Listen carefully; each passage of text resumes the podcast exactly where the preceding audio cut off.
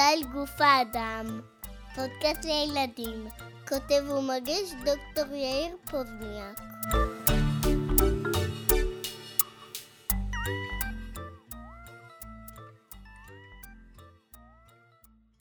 בפרק הקודם של הפודקאסט, מסע אל גוף האדם, דיברנו על החושים שלנו. התפקיד של החושים הוא לקלוט גירויים מהסביבה. דיברנו על חוש הראייה, שם נקלט גירוי בעיניים, וחוש השמיעה, שבו נקלט גירוי באוזניים. כל הגירויים האלה מעובדים במוח. חוש הטעם הוא חוש שקצת יותר קשה להגדיר. אפשר להגיד שחוש הטעם מאפשר לנו להפריד בין מאכלים שונים על פי התחושות שהם גורמים לנו. אבל בניגוד לחושי הראייה והשמיעה, אצל אנשים שונים התחושות האלה יכולות להיות שונות לגמרי. כאשר הרבה אנשים מסתכלים על מלפפון, כולם יראו את אותו מלפפון. כאשר הם ישמעו את הסכין חותכת את המלפפון, כולם ישמעו את אותו צליל. אבל כשהם יטעמו את המלפפון, חלק ילעסו בהנאה, חלק ילעסו אבל לא בהנאה, וחלק יעשו פרצוף של בואאה וכמעט יקיעו אותו. התחושות האלה נגרמות על ידי מגע של המאכלים באיבר המרכזי של חוש הטעם, בלשון. הלשון היא שריר בתוך הפה. כמו ששמענו בפרק על מערכת העיכול, היא עוזרת לערבל את האוכל בפה ומסייעת בעיכול. אבל על הלשון יש גם תאי חישה מיוחדים שמגיבים להרכב הכימי של האוכל. גם כאן, תאי החישה מפעילים תאי עצב ששולחים אות חשמלי שמעובד במקומות שונים במוח ונותן לנו את תפיסת הטעם. תאי החישה האלה יכולים להבחין בין חמישה טעמים, טעם מלוח, טעם חמוץ, טעם מר, טעם מתוק וטעם אומאמי. מה, מה זה אומאמי? טעם אומאמי הוא טעם מלא ועשיר, שמרגיש כאילו הוא ממלא את הפה ומצפה את הלשון. הוא נמצא במאכלים שמכילים חומר מיוחד שנקרא גלוטמט. נשמע לכם מוזר? זה באמת ככה. קצת קשה להגדיר את הטעם הזה, אבל הוא מאפיין מאכלי בשר, דגים ואפילו עגבניות. מעניין לדעת שחריף הוא דווקא לא טעם. תחושת החריפות יכולה לאפיין גם אזורים אחרים בגוף. למשל, כשאתם אוכלים פלפל חריף, אתם מרגישים תחושה של חום וצריבה על הלשון, זאת התחושה החריפה. אבל אם תיגעו בפלפל חריף ותקרבו את היד לעין, תרגישו צריבה כואבת כמו שהייתם מרגישים בפה. זהירות, לא לנסות את זה בבית. זה מאוד מאוד מסוכן. אבל האמת היא שכמעט לשום מאכל שתאכלו לא יהיה טעם בלי חוש הריח. חוש הריח מאפשר לנו לקלוט גירויים של חומרים כימיים באוויר שמסביבנו. כמעט כל הטעם במאכלים שאנחנו אוכלים נמצא בעצם בריח. תעשו ניסוי בבית. תבקשו ממבוגר לשים חמישה מאכלים שונים בקערות. תעצמו את העיניים ותאטמו את האף. עכשיו תנסו לטעום כל אחד מהמאכלים. כמה הצלחתם לזהות עם אף סתום? אני מקווה שתצליחו לזהות הרבה, אבל אני מבטיח לכם ששום דבר מזה לא היה ממש טעים. חוש הריח הוא הסיבה המרכזית שבגללה אוכל טעים לנו. איבר הריח שלנו הוא האף.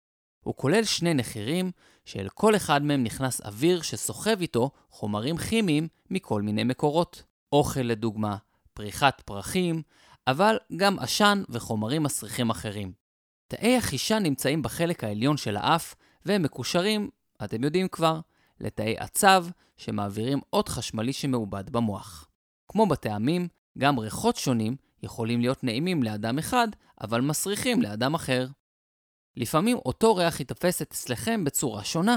למשל, ריח של בישול יהיה נהדר אם אתם רעבים, אבל יכול לגרום לכם לבחילה אם אתם שבעים מאוד. עובדה מגניבה!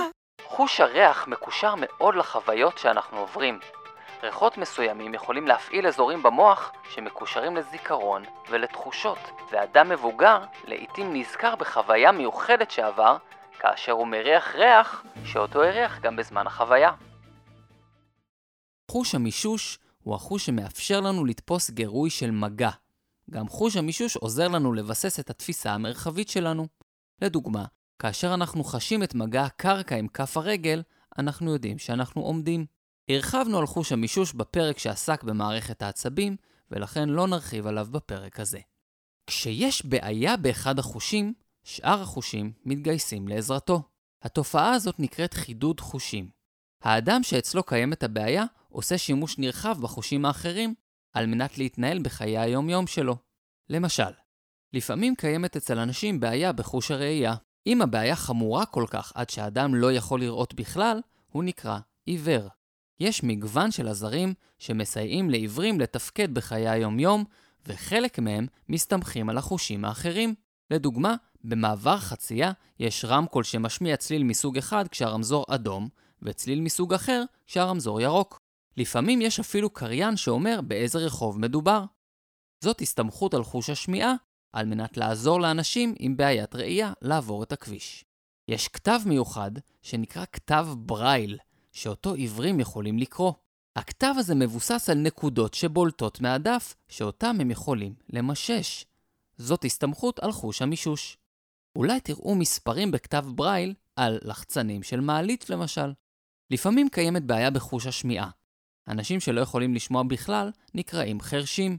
מכיוון שהם לא יכולים לשמוע דיבור, מדברים איתם באמצעות שפת סימנים.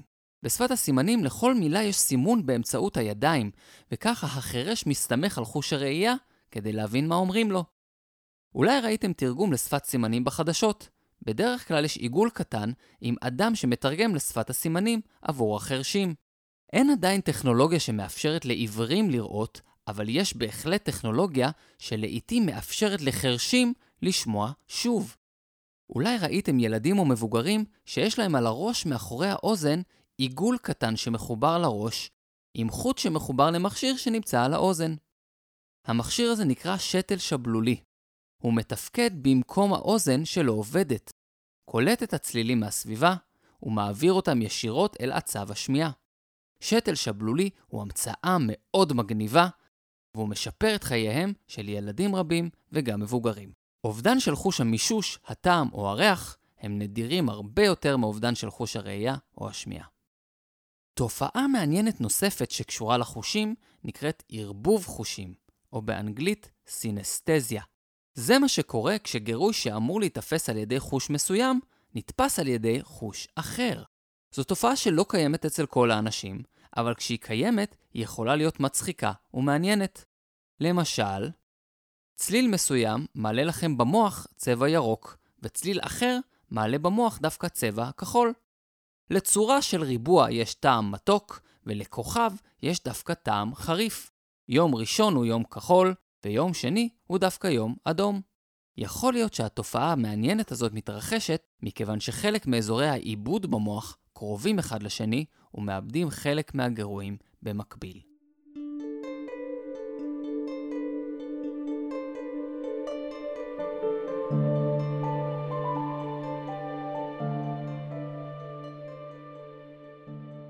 אז מה למדנו היום?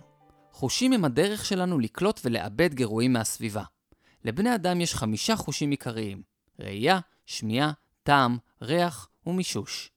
בנוסף, יש חושים אחרים שמאפשרים לנו לקלוט גירויים פנימיים או חיצוניים, והם מפעילים תאי עצב שמעבירים את המידע באמצעות אותות חשמליים למוח.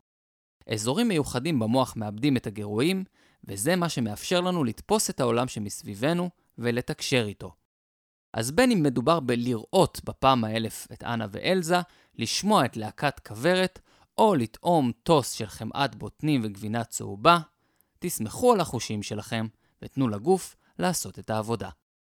מה אבא, זה הפרק האחרון של הפודקאסט? כן, מתוקי. על מה אתה חושב שכדאי שנעשה את הפודקאסט הבא? ספה. מה? ספה. מה זה ספא? ספה. ששמים מלפפונים על העיניים. אתה רוצה שנעשה פודקאסט על ספא? כן. טוב, אני אחשוב על זה. לפני שאנחנו מסיימים, מילה קטנה להורים.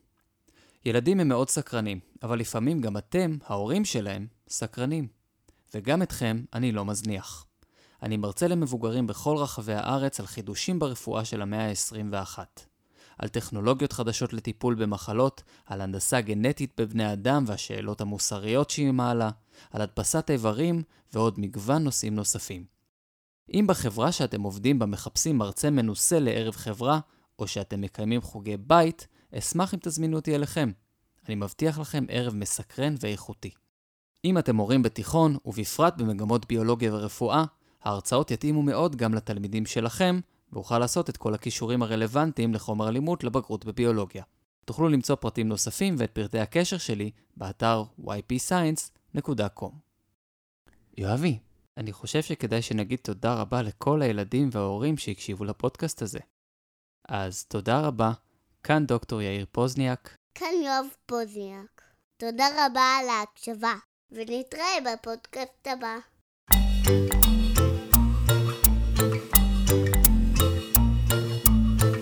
זה היה מסע אל גוף האדם. אני דוקטור יאיר פוזניאק. פרקים נוספים באתר הבית שלי, ypscience.com.